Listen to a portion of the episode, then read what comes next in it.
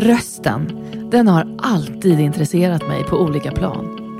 Rösten som instrument, kommunikationsredskap, möjlighet och skyldighet och demokratiskt verktyg. Alla har vi en röst på ett eller annat sätt.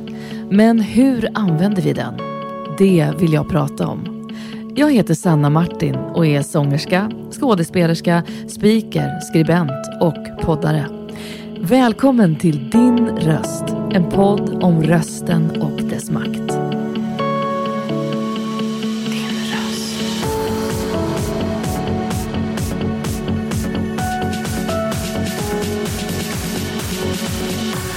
Din röst. Ska se, jag hör dig ordentligt. Då är det mig en stor glädje att säga välkommen till min podd Din röst, Otto Drakenberg. Tack så mycket Sanna. Jättekul att se dig och vara här, eller att du är här. Du höjde din röst ordentligt på en kongress i höstas i frågan om mänskliga rättigheter på grund av Saudiarabiens kommande värdskap i kadett och junior-VM i fäktning 2024. Vi kommer prata mer om detta. Vi måste fortsätta lyfta de här frågorna. Dels för vårt eget samvetes skull, dels för sportens bästa. Just nu är det otrevligt att tala, men en dag kommer det vara otrevligt att vara tyst. Det gäller bara att få det att tippa över. Det där är ett citat som du sa i DN i eh, februari i år i en intervju. Otto, hur mycket skulle du säga att det kan kosta att höja sin röst på det här sättet? Ja, I dagsläget kan jag konstatera att det kan kosta väldigt mycket. Mer än vad jag trodde kanske för ett, två, tre och fyra år sedan.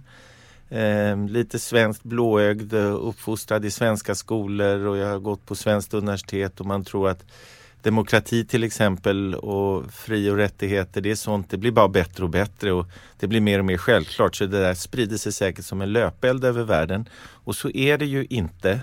Och är man med om det jag var med om i höstas då förstår man att det går faktiskt åt fel håll i eh, stora delar av världen. Och stora delar av världen tror inte på det vi tror på. Och att höja sin röst eh, även i de för oss mest självklara frågor kan vara hur obekvämt som helst eh, på flera olika sätt. Mm.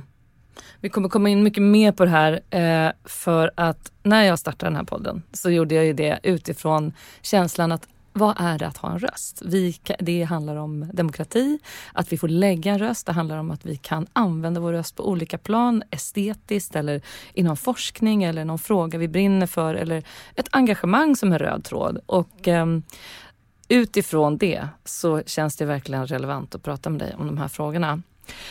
Du är ju före detta elitidrottare inom fäktning. Du är företagsledare, styrelseproffs och ordförande i Svenska fäktarförbundet. Har du alltid haft många olika strängar på din lyra? Nej, det är faktiskt de senaste åren bara. Jag har gjort, av alla som, är mina, som jag känner så kan man nog säga att jag är en av dem som har sysslat med eh, färrest antal saker förr. Jag höll bara på med fäktning. Det är klart jag studerade vid sidan av men det var bara fäktning i princip i 23 år. Allt annat fick stå tillbaks. Och sen var det bara eh, försöka komma in på arbetsmarknaden och, och, göra någon form av karriär. Då var det bara det och det mesta andra fick stå tillbaks. Och sen så kanske lite mer vuxen ålder från 40 och framåt så har jag lärt mig av mer om eh, vilket pris man får betala om man bara satsar på en häst. Mm.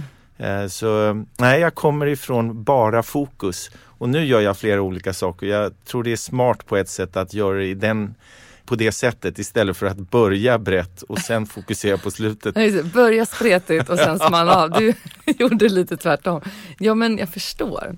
Men du växte upp här i Stockholm? Ja. ja. Och eh, var gick du i skolan någonstans?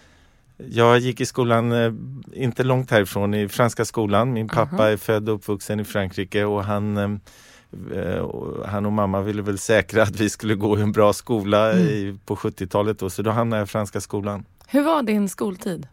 Skoltiden var bra. Den var ju Eh, annorlunda från en vanlig svensk skola så tillvida att eh, den eh, skolan jag gick i hade varit en flickskola fram till bara något år innan jag började. Så vi var fyra killar i klassen och 26 tjejer tror jag. Lärde mig, man fick ju då liksom per automatik lära sig att kompisar det kan lika gärna vara tjejer som killar så det var liksom inte så mycket kill och tjejgäng. Nej. Utan man var ett gäng mer. Eh, Det var ordning och reda fortfarande på den tiden i den skolan. Det var ju nunnor som skötte skolan i, i stor utsträckning. Och eh, någon skrattar ibland om att anledningen att jag har så stora öron är för att eh, lärarna drog i, det var ju alltså en viss form av barnaga fortfarande i skolan. Gud, det här där. är ju inte så länge sedan. Du är ju inte Nej, det är jättegammal. 70, början av 70-talet. Det, det klingade bort då det här örondragandet. Det var väl fransyskorna som inte hade läst den nya skolplanen eller något det. sånt. Så, men jag tycker, det var, jag tycker det var en bra skolgång. Jag trivdes väldigt bra i skolan. Vad kul. Jag tänker på det här med idrotten och din väg in i idrotten som ju har varit en så stor del av ditt liv. Delar av din familj var ju tunga namn inom idrott och inom Svenska Olympiska kommittén eh, och inom fäktning. Du själv hörde jag var bara fem år när du fick en värja i handen. Vad, vad liksom fick du syn på vad gäller den här sporten? Vad, vad, vad fick den dig att känna när du var liten? Det finns ju två svar på varför jag började fäkta. Det som jag tror journalister ofta förr då när jag var aktiv som elitfäktare försökte få det till var att jag ville gå i farfars fotspår för min farfar var världsmästare i fäktning. Eh, faktum var ju det att jag visste ju inte att min farfar hade fäktat när jag fem år gammal blev satt i fäktning och anledningen att jag började med fäktning var jag var ganska aktiv eh, som barn eller överaktiv. Min bror hade börjat fäkta eh, något år tidigare och mamma, eh, när jag var med och hämtade brorsan, frågade fäktmästaren, är det okej om jag lämnar yngsta killen också? Och det var så det gjordes upp, någon meter ovanför mitt huvud, att eh, lillkillen börjar också. Nej. Så det är inte lika romantiskt då, men det är nog egentligen den sanna bilden av varför jag började med det där. Jag blev satt där. Ja. Men tyckte du om det då när du blev satt där? Jag tyckte väl det var sådär Mm. de första fem åren eh, och i och med att jag alltid var yngre än de andra, jag började, det var ingen annan femåring som fäktade då, så fick jag mycket stryk. Ehm, och jag försökte sluta när jag var tio och vi hade en, det var en legendarisk fäktmästare från Ungern där som var en av de ledande i världen och han var otroligt duktig på att få folk att göra mycket mer och mycket oftare än vad de hade tänkt sig. Så att när jag försökte sluta i tioårsåldern genom att inte dyka upp på det här svenska lite fega sättet. Jag dyker inte upp så blir det väl bra så. Då ringer han hem till oss och det där var ju innan man såg vem som ringde på telefonen så svarar jag hemma där. Och då, ehm, då frågar han Eh, när kommer du imorgon? Eh, fyra eller fem? Han frågar inte vad har hänt med dig? Har du slutat? Tycker du inte det är roligt? Och av de valen så blev det väl fyra då för min skola slutar väl tre och då passar det väl bra med fyra.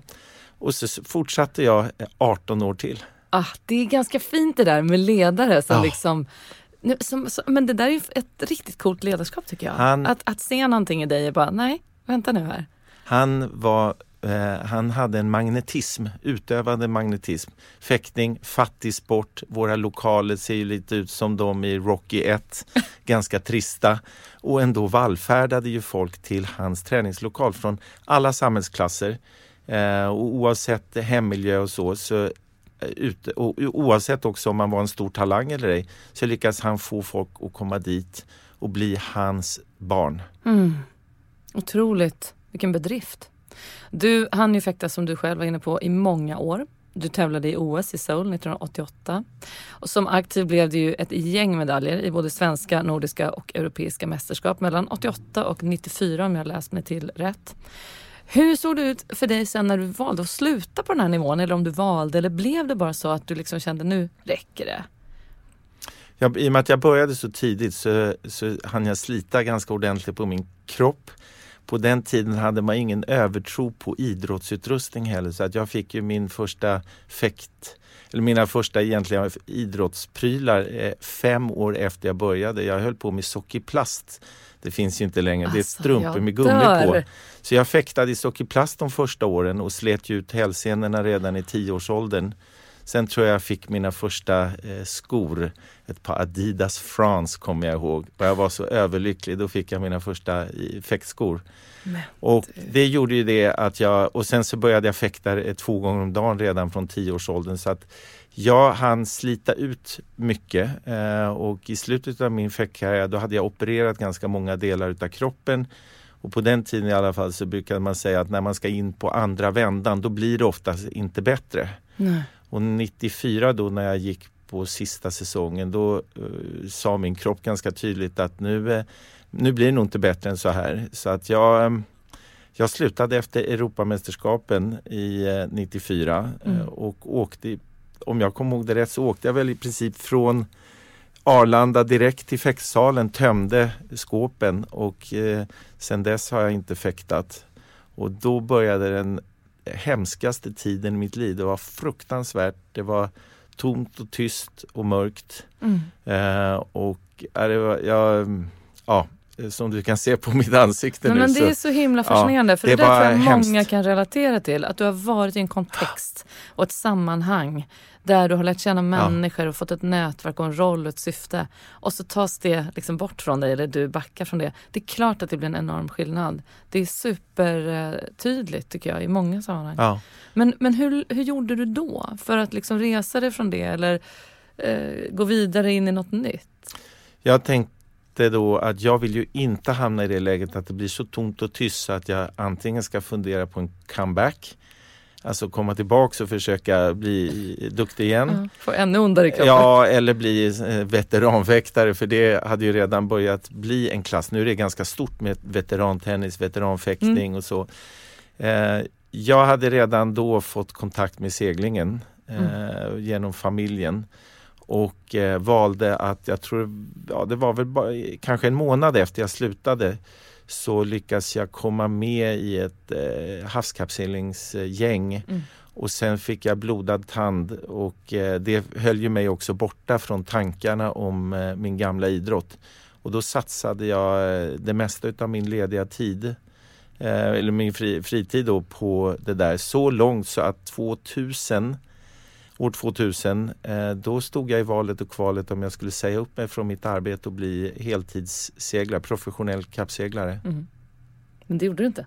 Nej, Eller? för jag träffade min, numera, det som numera är min fru, jag träffade henne då 2000 Ja. och då var jag ganska säker på att den typen av segling, kappsegling som jag ville syssla med, eh, jorden runt kappsegling och så, den skulle inte vara förenlig med att starta upp ett förhållande. Nej. Så då eh, fick jag välja något annat än idrott. Mm, precis. Men seglingen har funnits med dig sen både som, som ung och följt med dig länge Ja. vad jag förstår. Den var väl en ledsagare på avstånd då under min fäkttid men Ja. den blev ju otroligt intressant, eh, eller intensiv då under den där perioden 94 fram till 2000. Mm.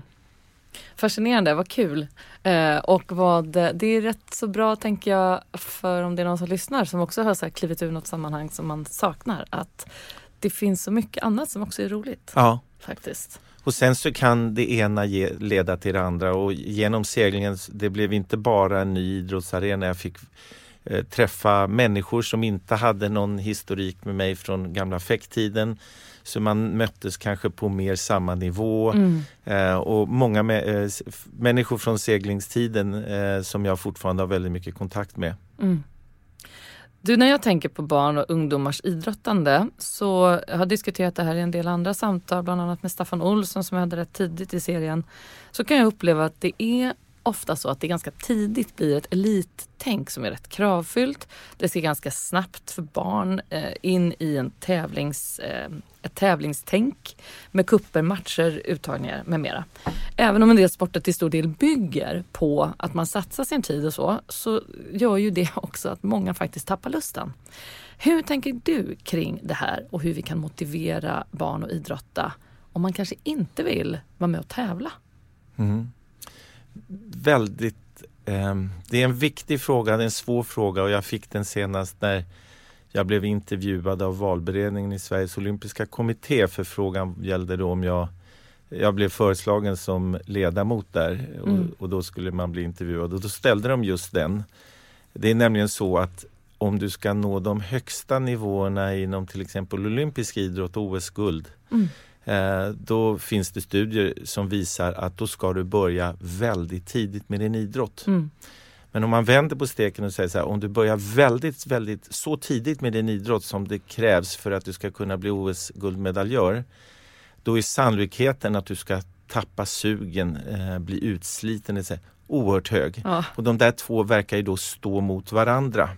Så tricket tror jag, eller tricket så som vi i Sverige vill få fram OS-guldmedaljörer, alltså sånt på ett hållbart sätt där vi inte slänger dem på soptippen sen efter eh, mästerskapet.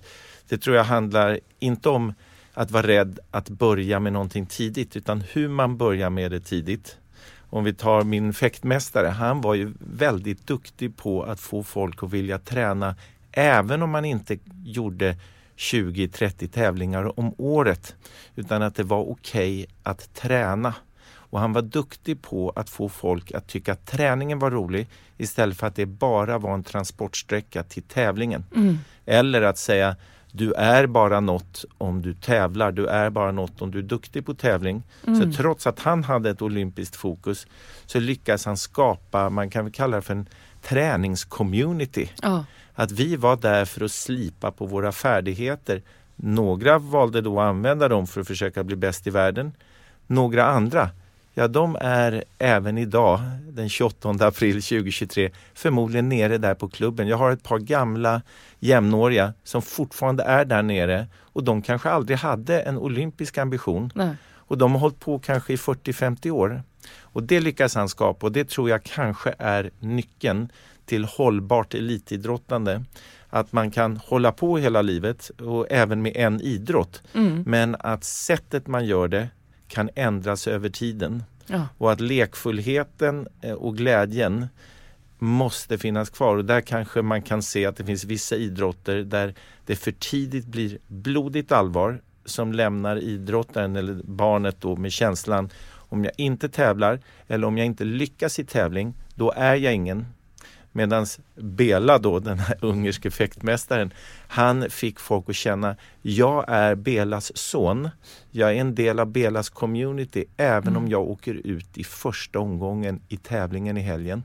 Oh, det, det är, är skillnad. Det är en enorm skillnad att bli sedd eh, oavsett resultat. Absolut. Och, och, det där var ju inte för att Bela Rerich var en mjukistyp på det där sättet jag bryr mig inte, gör vad ni vill. Han var oerhört fokuserad på att det skulle bli guld. Men sättet att ta sig fram dit var inte att alla skulle bli OS-guldmedaljörer från dag ett. Utan att det kan finnas olika vägar framåt och sen kommer det naturligt, det blir ett naturligt urval. Att vissa väljer att ta det hela vägen och av dem kanske någon också blir guldmedaljör. Mm. Du blev ju ordförande i Svenska fäktarförbundet 2017. Eh, har du under, innan det, liksom under tiden i, i, eh, dessförinnan varit engagerad och följt sporten nära och hållit kontakt med förbundet så, där, så att du liksom kände att det fanns ett sug att engagera sig ännu mer? Nej, tvärtom. Så när jag gick ut ur fäktningen 1994 så, så tänkte jag nu ska jag hitta strategier här för att jag inte ska tänka på fäktning och, och, jag ska glömma bort de här tiden.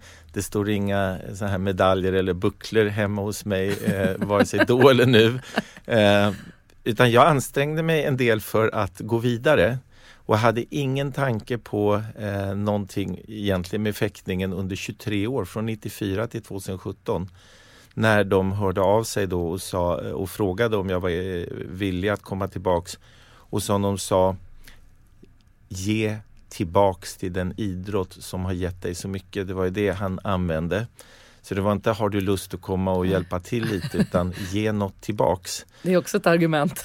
Min spontana första tanke var väl, jag är inte sån, jag är bättre på att vara aktiv, jag är ingen som är bra på att vara på läktaren utan jag ska vara där på banan. Eh, och så funderade jag väl någon vecka eller så.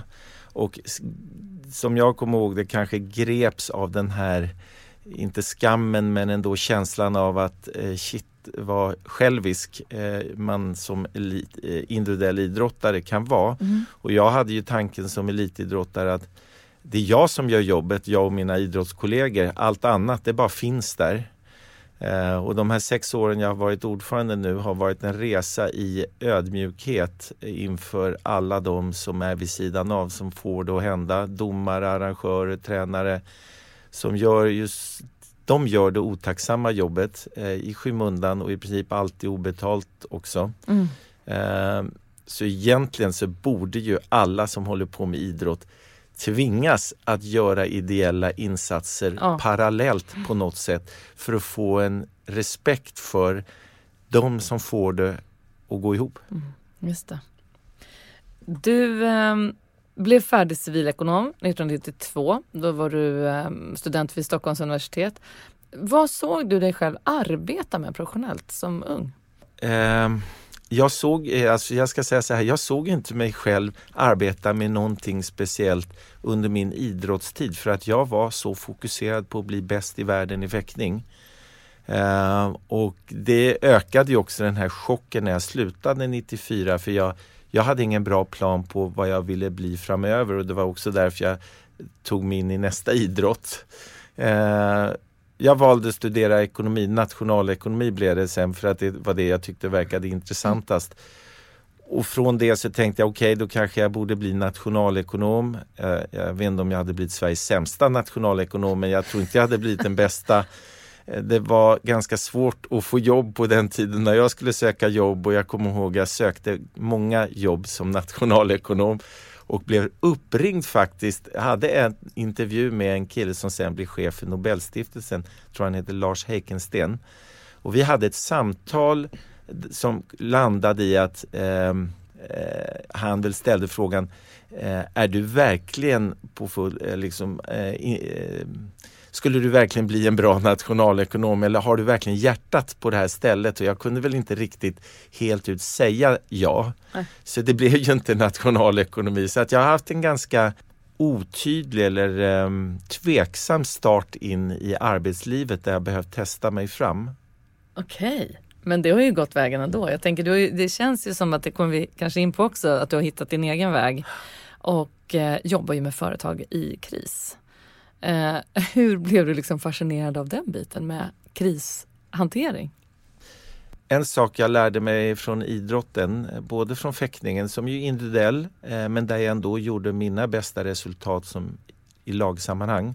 Men också från havskappsegling som jag ju sysslade mycket med sen var att när det ser mörkt ut, antingen när man ligger under mycket eh, mot eh, motståndarna eller i seglingssammanhang då när eh, eh, det är dålig stämning, grejerna håller på att gå sönder, det är sjösjuka eller ja, svårt läge. Då har jag märkt några saker med mig själv att då är jag bra på att eh, ta mig samman. Eh, se till helheten, eh, orka och försöka också få med mig dem runt mig. Det här löser vi. Dels för att eh, det motsatta, det här löser vi inte, det kommer ju med garanti leda till att vi inte löser det. Och sen också en ökande insikt om att eh, man kan faktiskt lösa ganska mörka situationer eh, inom idrott men också på andra ställen. Och den där har jag haft med mig. Jag har också hamnat i jobbiga arbetssituationer även innan jag eh, började med krisföretag. Mm. eh, Redan på Procter Gamble som var min första ska säga, icke-statliga eller eh, ja, kommersiella arbetsgivare Mm. då. Så, ram, så sattes jag som ansvarig för ett varumärke i djup kris. eh, Där många kanske mer funderade på att uppdatera CVt och önska sig bort därifrån. Så vände vi på steken och skapade en kult, arbetskultur i den där gruppen som var eh, det var en otrolig stolthet. Vi är faktiskt här för att fixa det här varumärket som det då gällde. Ett, ett av världens största varumärken inom, eh, eh inom konsumentvaror som hade gått jättedåligt. Vi, istället för att försöka göra det lite mindre dåligt så skapade vi en plan som gick ut på, nej men tusan, vi gör upp med allting. Vi säger så här att om fem år, då vill vi vara vinnarna. Vi vill vara marknadsledarna. Så istället för att hitta en plan som vi ska inte förlora så mycket, vad krävs det för att bli en vinnare? Eller vad krävs det för att lösa en situation eh, eller bli en vinnare och lösa situationen dit snarare än nu ska vi göra det bästa av situationen bara och sen så stoppar vi huvudet, eh, sticker huvudet ner i sanden.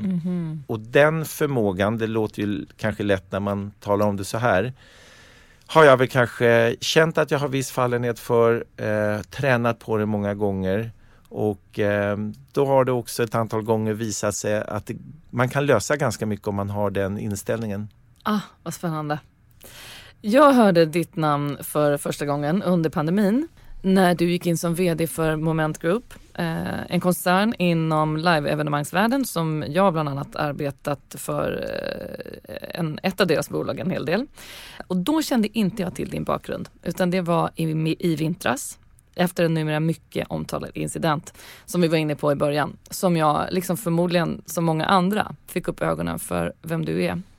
Under Internationella fäktförbundets kongress i Lausanne i november förra året så tog du i ett anförande upp diskussionen om mänskliga rättigheter innan omröstningen om huruvida Saudiarabien skulle stå som värdland för ett mästerskap. Du lyfte särskilt kvinnor och hbtqi-personers trygghet. Anförandet eh, möttes av våldsamma protester och vi ska lyssna på det här What restrictions will be applied for female participants? How will the security situation be during the course of the championships? In view of the fact that the country is at war. Excuse me, excuse me. Now we're here this to speak on the spot. Nothing to do with what you are going to say now. Please stop it immediately.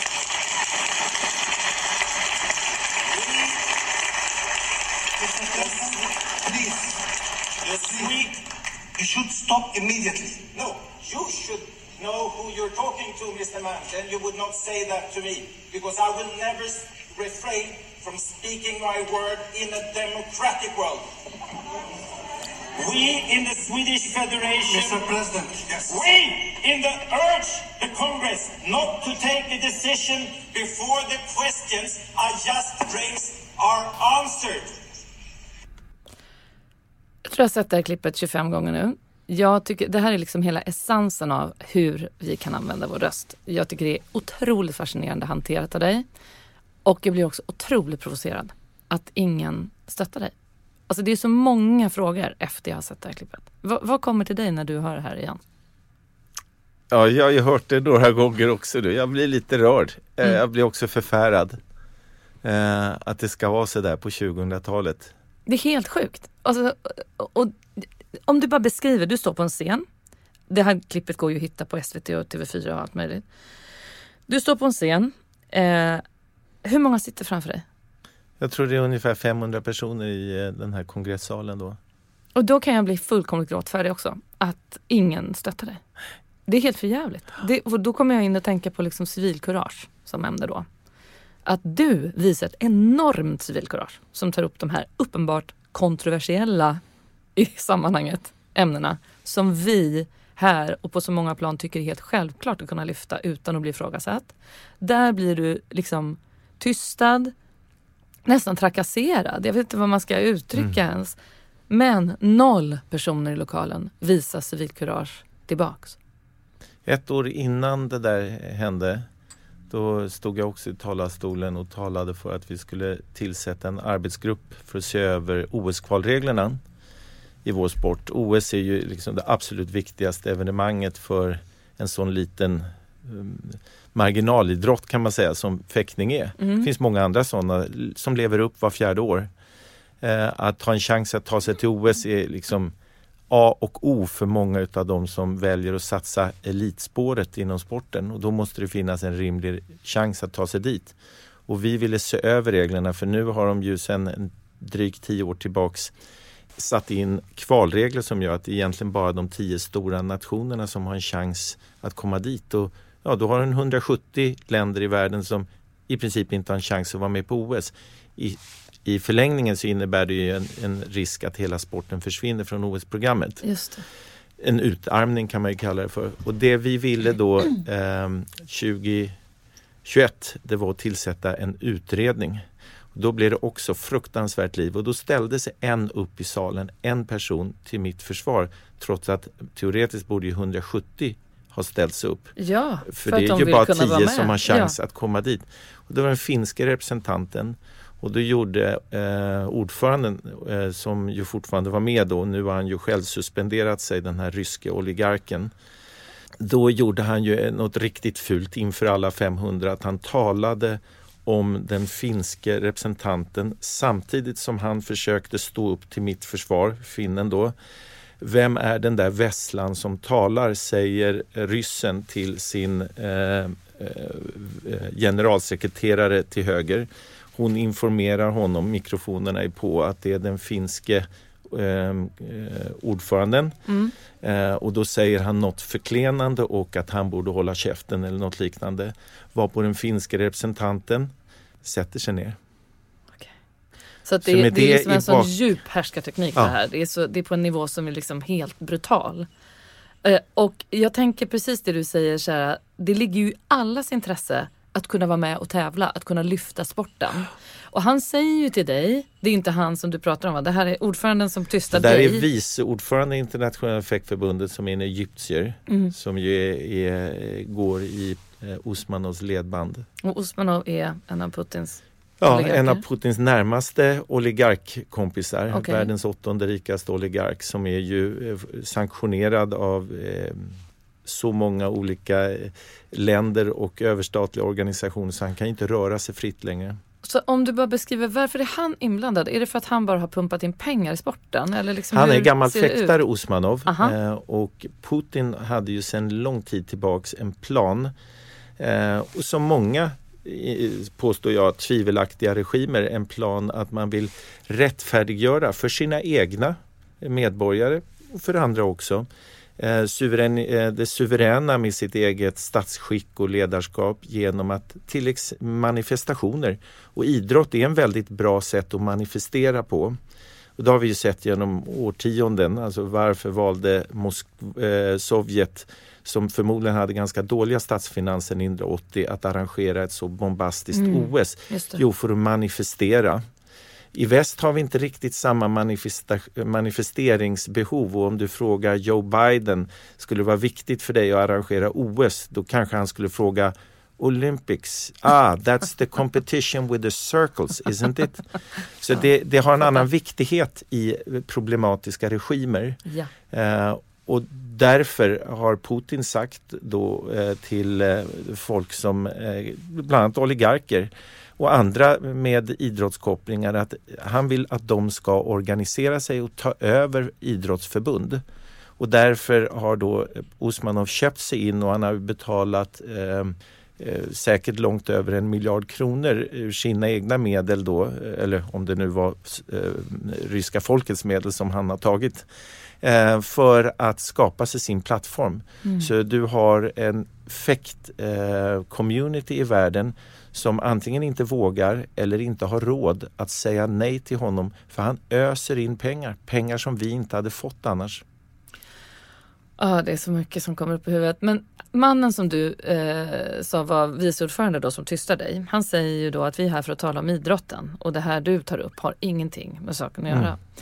Och det är väl, alltså det är ju så fel på alla plan eftersom det går liksom inte att bortse från de här problematiska aspekterna i ett mästerskap. Vi hade nyss liksom fotboll i Qatar och så vidare. Eh, vad, vad, vad, ska man liksom börja nysta i? Om, om, för det första så kanske vi inte hela tiden kan tolerera då så att säga ta seden dit vi kommer om folk blir illa behandlade. Så då måste vi lyfta det. Men lyfter du det så blir det, kan det då kosta dig det här bemötandet. Ja. Så det är liksom moment 22. Jag tror det är ett par, par saker som var och en borde som förhå ska förhålla sig till sådana här frågor borde komma till insikt om. Det ena är vad står jag själv för värderingar? Vad står de som jag är involverad i? I mitt fall då Svenska fäckförbundet och Svensk idrott och Riksidrottsförbundet. Vad har de för värderingar? Eh, och då är det otroligt viktigt att man är med på dem. Om man inte är med på det, då kan man inte vara en bra representant. För jag menar ju att står man, eh, har man skrivit under på någonting, eh, då måste man också stå för det hela vägen ut. Och det är oförmågan att vara tydlig med sina värderingar och hålla sig till dem även eller framförallt när det blåser.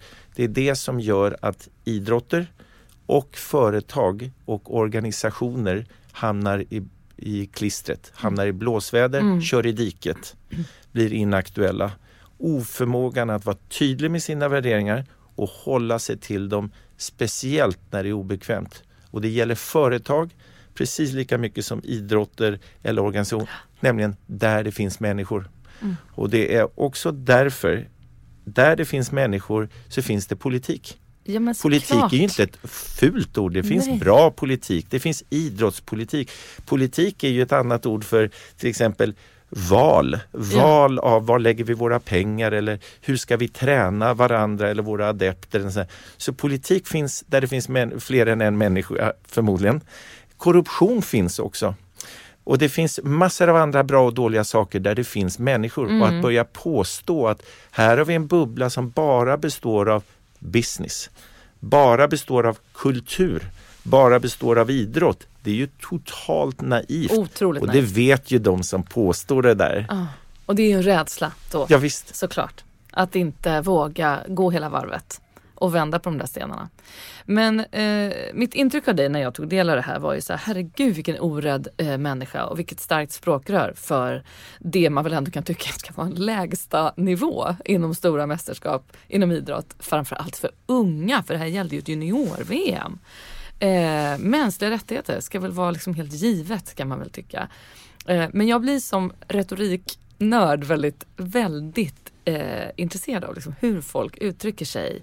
Och, och när du förberedde ditt anförande, tänker jag på, innan den här stunden. Hade du då bestämt att jag ska ta upp det här, jag ska få det att låta så här? Eller kände du liksom att du ändrade något i stunden? Eller hur gick du tillväga? När vi, eh, det kan ju vara så att när, när man hör saker i media till exempel så kan det låta väldigt bra och spontant och så. Jag tror att många fler saker än vad man tror är förberedda. Oh ja. Och förberedelse behöver inte vara dåligt.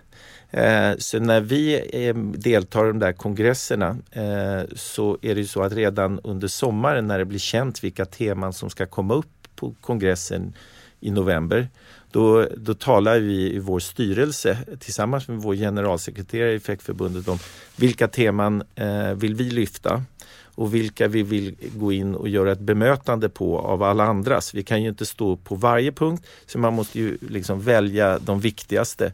Och just i det här mötet så var det väl fyra, tror jag, fyra områden som vi ställde oss upp och eh, antingen talade för eller talade emot. Och det som är filmat här var ju vad jag trodde det minst konfliktfyllda av dem alla ja. mitt anförande som sådant var ju förberett innan så att jag, för mig är det viktigt att känna också att om jag är ordförande i Svenska fäktförbundet då är jag inte ordförande för Otto Drakenberg AB. Jag är ordförande för Svensk fäktning och en del av internationell fäktning. Så allting jag säger vill jag kunna ställa mig till svars eller ska jag klara av att ställas till svars för av vem som helst i hela fäktvärlden tycker jag. Och kunna förklara varför jag tycker så, inte bara för att jag personligen känner för det. Så att ja, det var förberett. Men när jag innan jag har slutfört första meningen blir bombarderad, attackerad av den här mobben. Det var jag inte förberedd på. Eh, och då fick jag ju vara situationsanpassad i hur jag skulle hantera det. Nu pågick den ju så länge så jag hann ju eh, tänka ut min strategi. Först tystnad för att få dem att lugna ner sig. Nej, men de lugnar ju inte ner sig. För varje gång jag försöker börja tala igen så sätter det igång igen. Eh, Och de då- smällde i sina bänkar. och Precis. det. Så, eh, jag använder ju några olika retoriska tricks Verkligen. i min bok. De använder ju sina också. Och sen har de då sin överstepräst, den här viceordföranden i Egypten som aktivt säger åt en mötesdelegat att sätta sig ner, vilket ju Mm. bryter mot alla idrottens värdegrundsplattformar. Så får man inte göra och han är ju också anmäld för det. Eh, och då hinner jag ju också fundera på hur ska jag bemöta honom? Jag visste inte vad han hette så därför fick jag kalla honom för Mr. Mr. Man. Man, jag tyckte det var roligt. Ehm, Men eh, då tänkte jag väl lite så här, vad är det vi kan tänka på här? Vad du inte visar i klippet eller vad du inte spelar upp där Mm. var att jag tog ju även av mig skon i ett läge Ja. och gör som Nikita Khrushchev gjorde i FN en gång. Jag står och bankar med skon. Man hör det precis i början Ja. men man ser inte att det är din sko. Så Nej. jag tänkte att det typ låg en klubba ner på. Ja, men det är din sko. Jag tar av mig skon och bankar i podiet och det fick dem att vara tysta under ett antal sekunder. Precis. eh, tills nästa våg av motstånd. Så för mig Helt blev det ju otroligt det mer av en kamp där jag känner de ska inte få vinna över mig för att jag vet eh, att jag har torrt på fötterna och att det jag säger bara måste fram här. Så de hade aldrig, även om de stängt av mikrofonen, så hade de aldrig kunnat eh, vinna över mig, alltså få mig att tystna. Det hade Nej. varit helt omöjligt. Mm. Och det är ju en trygghet i det. Eh, jag har förbundet med mig.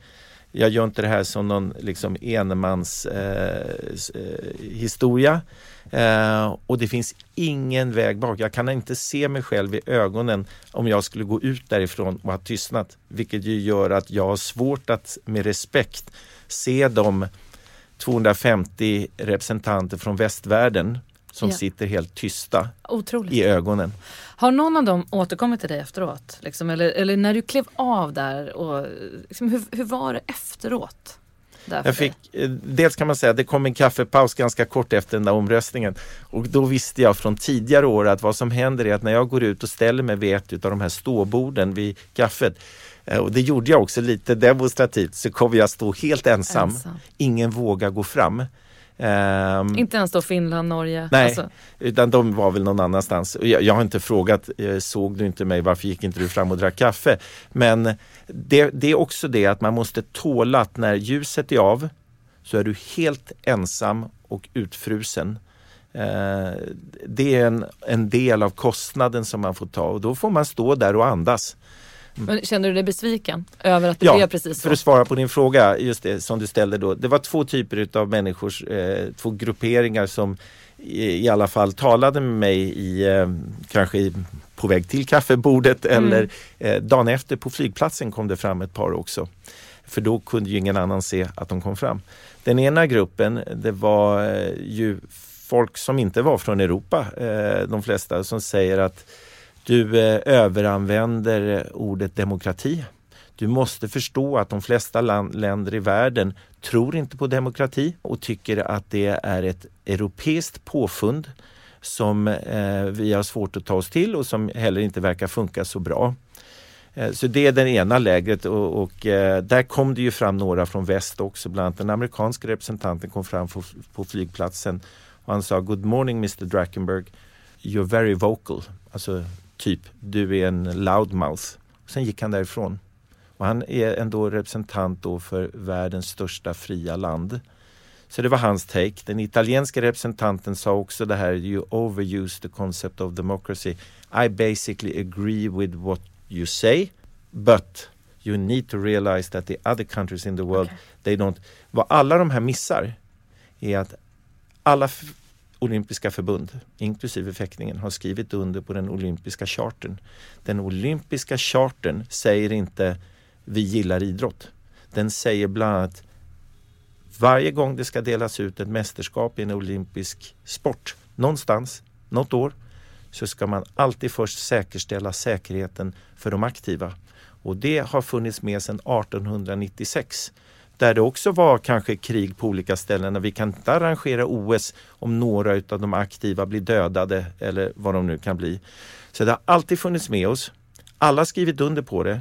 Men de agerar eh, på ett ohederligt sätt. Det vill säga som att det inte gäller. Just det.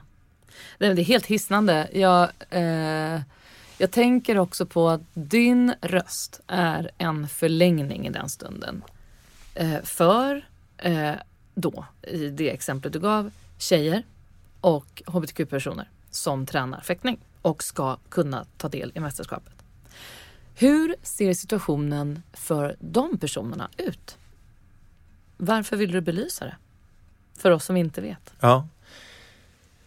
Jag ska göra en liten koppling till affärsvärlden eh, och sen kommer jag komma tillbaks till idrottsvärlden. En sak jag har lärt mig Förmodligen från min, ja inte förmodligen, från min första arbetsgivare Procter Gamble som var väldigt duktiga på mångfaldsarbete innan ordet mångfald fanns. Det var ju på 90-talet jag började där.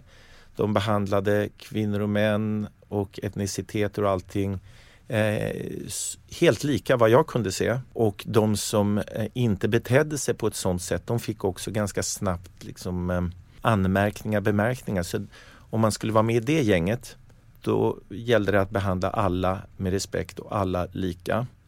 Med de, I de kriser som jag har jobbat med sedan 90-talet så har ju ofta det här med eh, brott, antingen dåliga värderingar eller brott mot värder, värdegrundlaget i företaget och organisationen varit ett utav temana. Att man helt enkelt inte gör som man har sagt. Och gång på gång har det visat sig eh, eh för mig i affärsvärlden att om man har rimligt sunda värderingar och som man har uttalat och som man följer så kommer det vara en utav, eh, en utav hävstängerna för att fixa firman. För att få ordning på ekonomin till och med. Det vill säga det är ekonomiskt smart att ha sunda värderingar och hålla sig till dem. Inte kanske över en kvartalsbokslut. För då kan man fuska och kapa lite hörn. Mm. Men om man tänker 3, 5, 10, 15, 20 år. Då är det alltid lönsamt att ha sunda värderingar, kommunicera ut dem och se till att alla håller sig till dem. Annars får du inte vara med oss. Om man tar sig tillbaks till idrotten så är min insikt att om vi vill, som vi vill i svensk fäktning, vi vill ju bli världens bästa lilla fäktnation. Mm.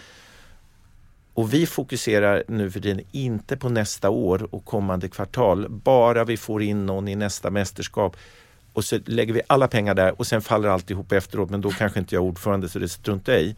Så jobbar vi inte nu för tiden utan nu ska vi bygga upp något som är hållbart långt efter någon av oss håller på. Och då är att ha tydliga värderingar eh, i din idrott, i din klubb och hålla sig till dem, speciellt när det är obekvämt. Till exempel, vi har en jätteduktig tränare men tränaren kommer från en kultur som helt bryter mot den svenska kulturen eh, inom viktiga, till exempel eh, fri och rättigheter. Men han är så duktig så att vi låter honom, för ofta är de ju en honom, eh, hållas för han är så viktig för oss. Då har man ju börjat eh, såga på grenen man sitter på. Det är inte hållbart. Och vänder vi på det alltså, vi måste orka att hålla oss till de här sunda värderingarna som vi har satt från början. Det kommer skapa de bästa resultaten över tid. Och tar vi det där tillbaks till din fråga. Varför Otto eh, vit kaukasisk man i medelåldern. Varför håller du på och säger och ifrågasätter och kräver eh, medvetenhet om kvinnor och hbtq-personers rättigheter? Ja, det är av två skäl. Dels är det ju moraliskt rätt. Alltså, jag är uppfostrad i ett land där eh, vi ju verkligen nu för tiden efter många år har förstått att allas lika rätt, det är liksom det finns ju inget annat. Nej. Alltså det går inte att argumentera för något annat i en upplyst värld menar jag. Men det är också det som leder oss snabbast till våra mål. Att bli världens bästa lilla fäktnation. Har vi råd att säga att kvinnor ska inte vara med så deras, för deras rättigheter är inte lika mycket? Eller hbtq-personer eller folk av annan etnicitet. utan det är bara vita kaukasiska män eller någon liten grupp eh, som, ska ha, som ska fram. Då har vi ju sågat av halva kvisten. Då kommer vi inte få lika bra resultat. Nej. Så det är både för att det är moraliskt rätt men det och här kommer insikten, det är inte bara för att det är moraliskt lätt, äh, rätt, det leder oss snabbast till målen. Mm. Oavsett om det är idrott eller affärer eller någonting annat. Mm. Mm. Att hålla sig till de sunda värderingarna och en del av det är att alla oavsett läggning, oavsett kön ska ha samma rättigheter. Och, och tänk dig då att skicka eh, vilket vi nu eventuellt kommer behöva göra då eh, om de vill åka, kvinnor eller eh, deltagare med annan sexuell läggning än den som accepteras i Saudiarabien kommer ju då ha en möjlighet att kvalificera sig till JVM eh, 2024. Mm. Vi förbjuder inte dem att åka dit. Eh, vi kommer stötta dem. Och sen är det inte så att vi går och frågar exakt vad är din läggning, vad är din nej. läggning. Men jag tycker det är jävla dumt att arrangera tävlingar i ett land där vissa som åker dit ska inte bara oroa sig över hur ska det gå i tävlingen. Nej, jag ska också oroa mig över att nu är jag och tävlar i ett land som om de får reda på min läggning då ska de döda mig. Nej, det är så sjukt, jag blir helt knäckt. Det, det, är, det är ju inte att göra det lätt för sig. Men har du tänkt på hur mycket det har betytt för folk att du faktiskt höjde din röst? Uh, då kanske jag inte tänkte lika mycket på det för jag, liksom, det är en av många frågor som vi fightas med eh, i det internationella fäktförbundet och som sagt den är superviktig men vi fightas ju för och emot ett antal andra också grundläggande grejer.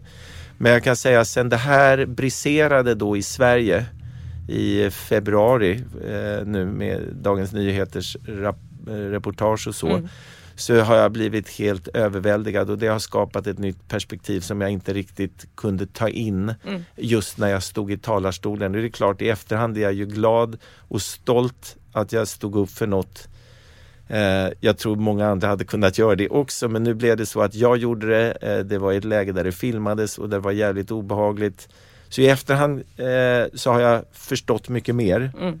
Då var det mer eh, en eh, reflex eh, kanske, Mm. reflexmässigt agerande med utgångspunkt i vår värdegrund. Ja, det, är- det är briljant tycker jag på alla fronter men det, det, det, det spelar ju över på så många världar. Alltså jag kan relatera till den tystnadskultur du beskriver.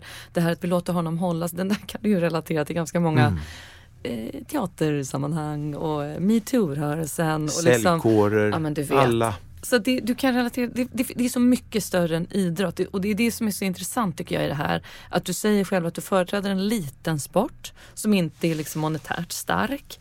Eh, där eh, man vill göra förutsättningarna så bra som möjligt för de unga som har ett intresse.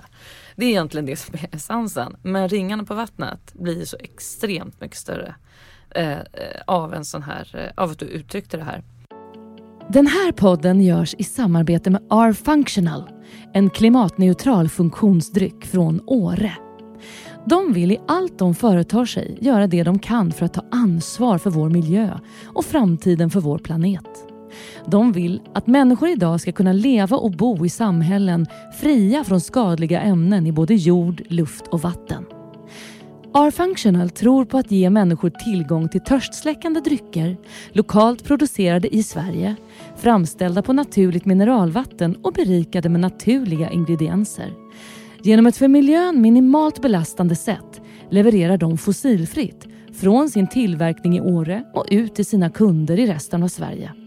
Allt för att göra så små avtryck som möjligt på den här planeten och för att vi och nästa generation ska kunna känna naturens krafter även i framtiden. Läs mer på rfunctional.com. Men om vi lämnar den här biten en liten stund. I ditt professionella liv så arbetar du ju som sagt med företag i kris. Du kallar dig för företagsdoktor. Vad är det första du gör när du blir inkopplad i ett företag i kris? Jag blir oftast tillkallad när någonting har hållit på för länge. Någonting som inte är bra, avsaknaden av något eller förekomsten av något dåligt. Och det är i princip alltid så att det har hållit på för länge. Det är väldigt få som hör av sig uppdragsgivare, ägare, styrelser som säger det här håller precis på att hända. Så att det är ganska lätt att backa det. Kan inte du komma in och göra det? Ja, ja. Utan det, det är i princip alltid så att det har hållit på för länge eh, med för otydligt eller felaktigt ledarskap. Och det betyder det att när jag kommer in så är det alltid, i princip alltid brådis. Pengarna är på väg att ta slut. Eh, Robert Aschberg står eh, med sitt eh, eh, tv-team här utanför och ska snart ställa frågor igen. Eh, eller aktieägarna är vansinniga, se här på alla e-mails de skriver. Så det är någonting som är här och nu. Och det gör ju det att det måste, å ena sidan har det, eh, problemen uppstått under lång tid. Å andra sidan så finns det en enorm förväntan av att det ska ske både ett uppklarande, det ska förstås snabbt vad som har lett oss till den här situationen väldigt snabbt. Och sen ska det komma en åtgärdsplan som ska ha effekt väldigt snabbt. Det är företagsdoktorns eh, liksom cykel och den låter ju inte lätt och det är inte helt lätt det här. det har hållit på länge. Du kastas in, du kan inte branschen, du kan inte företaget, du känner inte människorna. Du ska ganska snabbt och då brukar vi säga kanske en två veckor har man på sig. 10 dagar, 14 dagar eh, att komma tillbaks till uppdragsgivarna, styrelsen med en rotorsaksanalys som är nog, måste nog vara en 80% rätt i alla fall. Inte 10-20. Ehm, och sen så ska du ganska snart därefter komma tillbaks och så det här är vad jag kommer göra åt det, eller vi. Eh, och det betyder ju också att du måste sätta dig in i verksamheten och människorna. Eh, där sätta sig in i människorna är, mm, säger min erfarenhet, mer än hälften av jobbet. Att förstå verksamheten, inte lika svårt som att förstå människorna. Människorna på plats är oftast, har oftast varit med och skapat problemen. Mm. De kommer säga en sak till dig eh, och sen kanske en del av dem menar något helt annat eller tänker något helt annat. Man kan inte sitta alltså på kvällar och läsa sig till de här sakerna utan du måste ju engagera dig med de här medarbetarna Mm. väldigt intensivt under den där första perioden. Ja. Eh, och då kommer du ju träffa folk som är stolta, som är skamsna, som är arga, som är bittra, ont i magen. Hela det där gänget. Och sen dechiffrera det snabbt för dina uppdragsgivare som sagt om 10 dagar eller 14 eller någonting sånt. Då vill de veta ganska mycket vad är upp och ner och hur fan kunde vi hamna här? Gud vad intressant. Och då tänker jag igen på det här med att våga vara obekväm. Att våga ta den här Ja. rollen och säga okej det här blir inte så kul hörni men eh, vi får göra så här. Eller att höja sin röst som du gjorde eh, på, på kongressen. Alltså det är inte helt olika eh, liksom beteende Nej, eh, krav där från dig. Jag tror att jag har lärt mig att bli lite mindre svensk under de här åren och lite mer eh, rakt på sak. Ja, Eh, inte linda in saker så mycket och jag har också lärt mig att linda in är mer för att hantera min egen feghet och nervositet. Det är egentligen, in, man tror man lindar in något för att göra mottagaren mindre ledsen. Mm. Egentligen är det för att man själv är feg. ja. Och då är det lite som att bada eff- i iskallt vatten. Eh, ta hoppet, det är inte så farligt där i vattnet. Och vad är det värsta som kan hända? Det är att motparten blir väldigt arg. Men sen gäller det att göra det på ett värdigt sätt. Och jag attackerar ju inte folk utan jag försöker då tömma deras vattenglas. Och sen så brukar jag säga saker mer, väldigt mycket som de är. Och en av sakerna jag alltid säger till team som jag jobbar med där det är eh, just kris. Mm. Det är att eh, väldigt viktigt att du går hem nu i helgen, talar med din familj och säger att mamma eller pappa kommer vara mycket på jobbet den kommande tiden. För det kommer du behöva vara om du ska vara med på den här resan. Vi kan inte fixa det här genom att sitta på läktaren, eh, åka i släpvagnen där bakom, utan alla som är ledare, eh, och det är väl oftast de jag talar mest med i början, Mm. Eh, De måste vara med och leda oss ut ur krisen. Mm. Otto, företagsdock, de kommer inte här med lite piller som ni bara ska svälja utan vi måste fixa det här tillsammans. Och det är därför jag tycker det är skoj, för det är teamwork. Verkligen. Och ganska snabbt så kommer du få några av dem som har varit med ett tag att komma med på resan. Mm. Och eh, gör man det rätt eh, så kan det här vara en utav de definierande ögonblicken i människors eh, yrkesliv. Mm. Jag var med i den där firman. Vi ramlade in eller försatte oss i en kris och jag var med och tog oss ut ur krisen. Och regelbundet hör folk av sig från olika företag eh, som jag har jobbat med förr. Bara för att säga hej och eh, komma ihåg eh, det där läget när vi valde att kämpa och inte lägga oss ner. Mm. Och de är så stolta över att de var med och gjorde det. De är inte stolta över att, vad jag gjorde, de är stolta över sin insats. Och det tycker jag är det bästa av allt. Eh, och det är en av anledningarna varför jag gör det. Mm, verkligen, fascinerande. Du, ehm, du sitter ju också i många styrelser och har suttit i många. Det är alltifrån eh, då Moment Group, eh, Svegro, Spendrups, Twilfit. Jag kommer inte ihåg alla i huvudet nu, men många. Eh, och det är inte bara vissa branscher utan det är väldigt brett. Vad lockar dig med att säga ja till ett styrelseuppdrag? Det som är den röda tråden genom allt det där, det är transformation.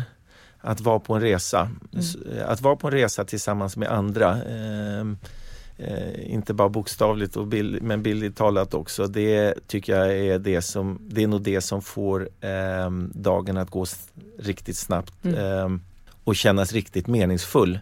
Eh, så att jag är i princip bara involverad i eh, företag och organisationer där, där det ska vara en transformation. Fäktförbunden när jag kom dit, vi hade eh, alla de duktigaste hade slutat. Vi hade nästan inga pengar. Eh, vi kom först, mitt första år som ordförande kom vi tredje, fjärde, sist på VM av alla länder i nationsrankingen. Eh, Så där kan man ju säga att vi börjar lite från början. Eh, Och då är det en transformation som ska till i och med att vi vill bli världens bästa lilla fäktnation. Det är väldigt mycket bättre än att vara tredje sämst i världen. Eh, De här styrelseuppdragen du nämnde eh, eller de här eh, operativa uppdragen som jag sysslar med. de har också det gemensamt att man är inte nöjd med status quo så som det är. Man vill ta sig till något annat. Det Mm. behöver inte alltid vara kris. Just. Styrelsen jag sitter i eh, nu för tiden faktiskt, det är inget av dem i kris. Men de vill ta sig till en annan nivå. Ah. Inte bara av rädsla av att det kan vara otrevligt att vara kvar utan det är spännande. Mm. Det är utforskande, det kommer testa våra färdigheter, det kommer göra företagets aktieägare eh, att de kommer ha en tryggare investering istället för att säga som man tog Ko- Kodak, det gamla fotoföretaget. Vi kör med det vi har. Nya tekniker verkar, äh, det är lite osäkert så vi kör vidare med det här och de finns ju inte längre. Nej. Så transformation, eh, både för att det är skoj eh, och för jag tror att det är den bästa överlevnadsstrategin för organisationer. Mm. Eh, I varje avsnitt så frågar jag varje, mina gäster vad eh, ett eh, valår eller ett riksdagsval gör med dem eftersom det var, det var valår förra året och vi, eh, det är ju ett, ett sätt vi använder vår röst. Det är att vi får ta och lägga den åtminstone i det här landet. Vad skulle du säga Otto? Vad, vad har du för relation till ett val? Allt det jag har sagt under vår, vårt samtal här idag har ju varit från hjärtat och min, eh, min ärligaste syn på saker och ting. Så när du ställer frågan på det där, så valår för mig, då tänker jag på ord som eh, besvikelse, antingen overpromise, olika politiker oavsett partifärg som lovar ogenomtänkta saker. Saker som de antingen inte förstår att de inte kommer kunna hålla eller förstår att de inte kommer kunna hålla men kommer sen ha en förklaring. Eh, ryggradslöshet. Eh, människor som inte klarar av att förklara komplexa sammanhang på ett bra sätt för oss medborgare. Antingen förenklar man så mycket så att man förstår inte nyanserna eller så kanske man inte tar upp frågan. Det är det jag tänker på mest och sen så om jag ska vara lite, säga något positivt så tänker jag på eh, Fantastiskt att det finns människor som är beredda att viga sitt liv åt eh, det eh, allmänna bästa. Gud vad bra att det finns folk på båda sidor eh, av sakerna så att eh, vi inte bara har, eh, ja som i en diktatur. eh, och det är oavsett vad jag tycker om, om den ena eller andra sakfrågan. Ja, ja, ja, Så det finns positivt. Jag är inte emot den demokratiska processen. Men jag tycker så som den har blivit i Sverige och det är därför kanske vi har politikerförakt också. Ehm, för lite långsiktiga, jag berättar ju hur jag tänker runt både i min idrottsorganisation men också företag. Vi, vi bygger strukturer så att de ska hålla på 10, 20, 50 års sikt. Ja. Eh, Så är det Spendrup, så är det Fäktförbundet, inte till nästa kvartal eller nästa VM. Och, och det är kanske det som gör mig mest besviken. Sen förstår jag varför dynamiken i, politikerbranschen är sån att jag skulle aldrig passa där, jag är naiv och, och ah, ja, ja, på alla möjliga sätt inte lämplig. Men ja, jag, jag är besviken. Mm. Det är inte helt ovanligt tycker jag, svar. Alltså när jag frågar så här. Så jag tror att det är många som känner så. Eh, och jag kan också känna en enorm fascination liksom att, över att folk vill lägga den här tiden Ja. på politik. Men, men också känna en besvikelse. Så det är komplext. Men du, vilken samhällsutmaning eller politisk fråga skulle du säga upptar mycket av ditt, eh, din, dina funderingar? Vad, vad går du och grubblar på?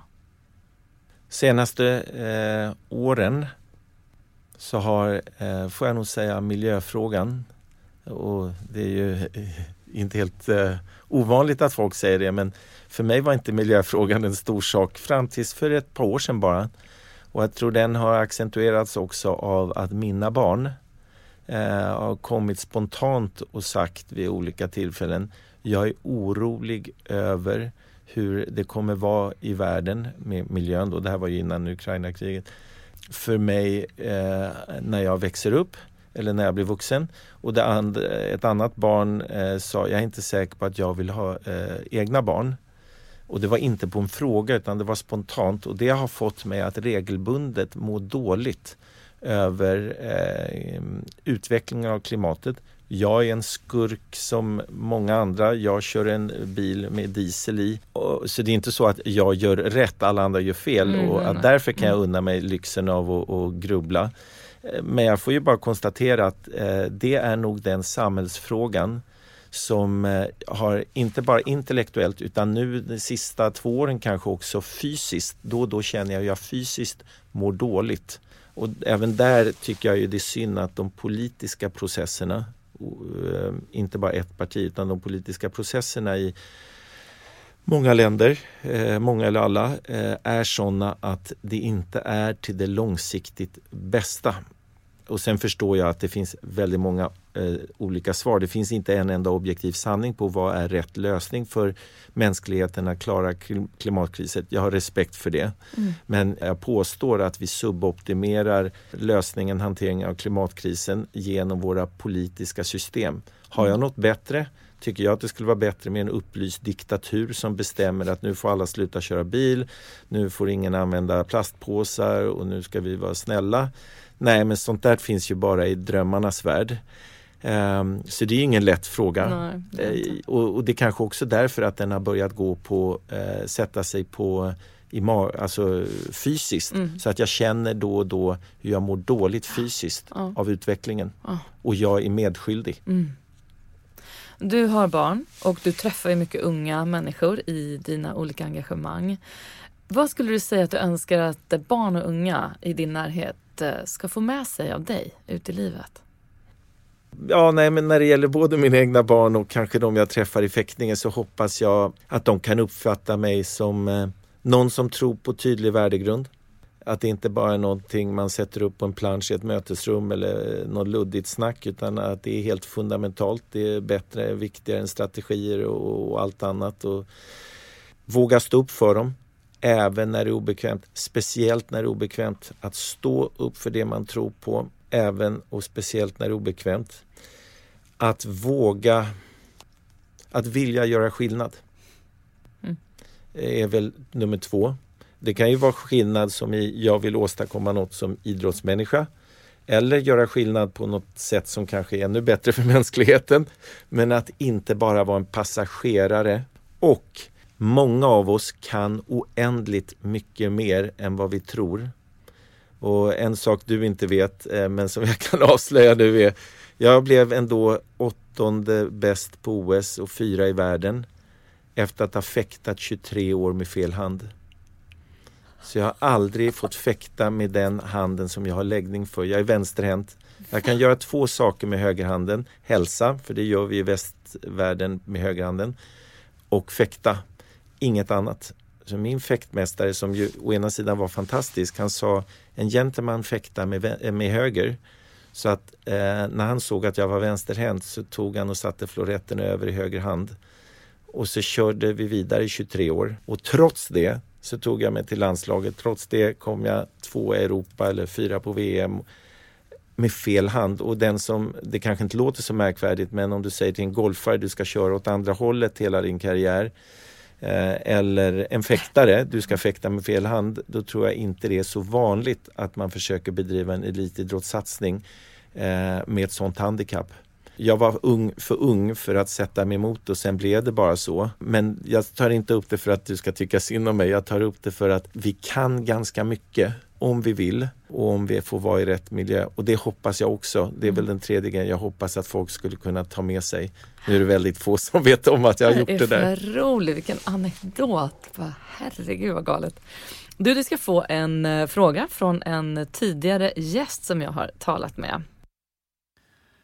Ja, Otto, jag har ju följt eh, det dramatiska som eh, du har gjort och varit med om där. Du um, talade om Saudiarabien och rättigheter. Och du har ju verkligen gjort din röst hörd. Men jag tänkte fråga dig om du tycker att det någon gång inte är värt att höja din röst. Och om du själv har varit med om någon gång där du ångrar att du faktiskt har gjort din röst hörd. Utmärkt fråga. Den skickar vi vidare. Här var en fråga från Lars Strandgård som är rektor på Handelshögskolan. Jag kan faktiskt inte komma på ett tillfälle i mitt liv där jag ångrar att jag gjorde min röst hörd eh, för något positivt eller för något jag trodde på. Jag har ett väldigt starkt minne av, eh, alltså väldigt starkt, att jag vid ett tillfälle i mitt yrkesliv eh, inte stod upp för det jag trodde på. Och jag skämdes i veckor efteråt. När jag tar exemplet så låter det kanske inte så märkvärdigt men jag mådde fysiskt illa. Och eh, jag kommer ihåg situationen eh, och jag lovade mig själv efter det aldrig igen. Um, så jag har ett exempel på när jag ångrar att jag inte gjorde det som har hjälpt mig att stå upp. Jag, har, jag kan inte komma på något, eh, något eh, bra exempel på det som Lars frågar. Mm, men det var ett väldigt bra svar. Du, eh, vi ska avrunda. Hur, eh, hur skulle du säga att du helst vill använda din röst framöver? Inspirerad av det som jag har lärt mig under både mina år som så här företagsdoktor och eh, i fäktförbundssammanhang långt innan den där kongressen som filmades så skulle jag mer eh, vilja använda min röst, min energi i frågor, i värderingsfrågor. Att få, dem, att få fler och fler att förstå att värderingar, det är inte jobbigt. Det är inte eh, något som vi gör på fredag eftermiddag på roliga timmen eller något som eh, bara hänger där på väggen. Utan att rätt använt så är ju genomtänkta, insiktsfulla värderingar ditt bästa redskap, gruppens bästa redskap för att komma vidare. För att ha ett bra liv, eh, för att åstadkomma något bra för andra eller sina uppdragsgivare. Och att få fler att förstå den eh, eh, dynamit eller den explosiva kraft som finns i värderingar. Eh, ett uttryck som annars liksom känns som Usch, ja men måste vi hålla på och tjafsa om värdering? Kan vi inte bara göra mm, sakerna? Ja, att få fler att känna det och kunna visa i konkreta exempel sprängkraften i eh, rätt använda värderingar. Både i det lilla mm. företaget, i den lilla orten eller organisationen på den stora internationella arenan eller hemma i familjen. Mm. Det är väl något jag känner kanske jag borde jobba mer med och använda mer av nu när jag har eh, kommit till de aha-upplevelserna. Mm. Tack för att du ville vara med i podden och, otroligt mycket viktigt som har sagts och eh, superinspirerande hur du har uttryckt dig och arbetat. Lycka till framöver. Tack Sanna. Tack till er som har lyssnat eh, ytterligare en vecka. Tack även till R-Functional för er stöttning. Vi hörs igen.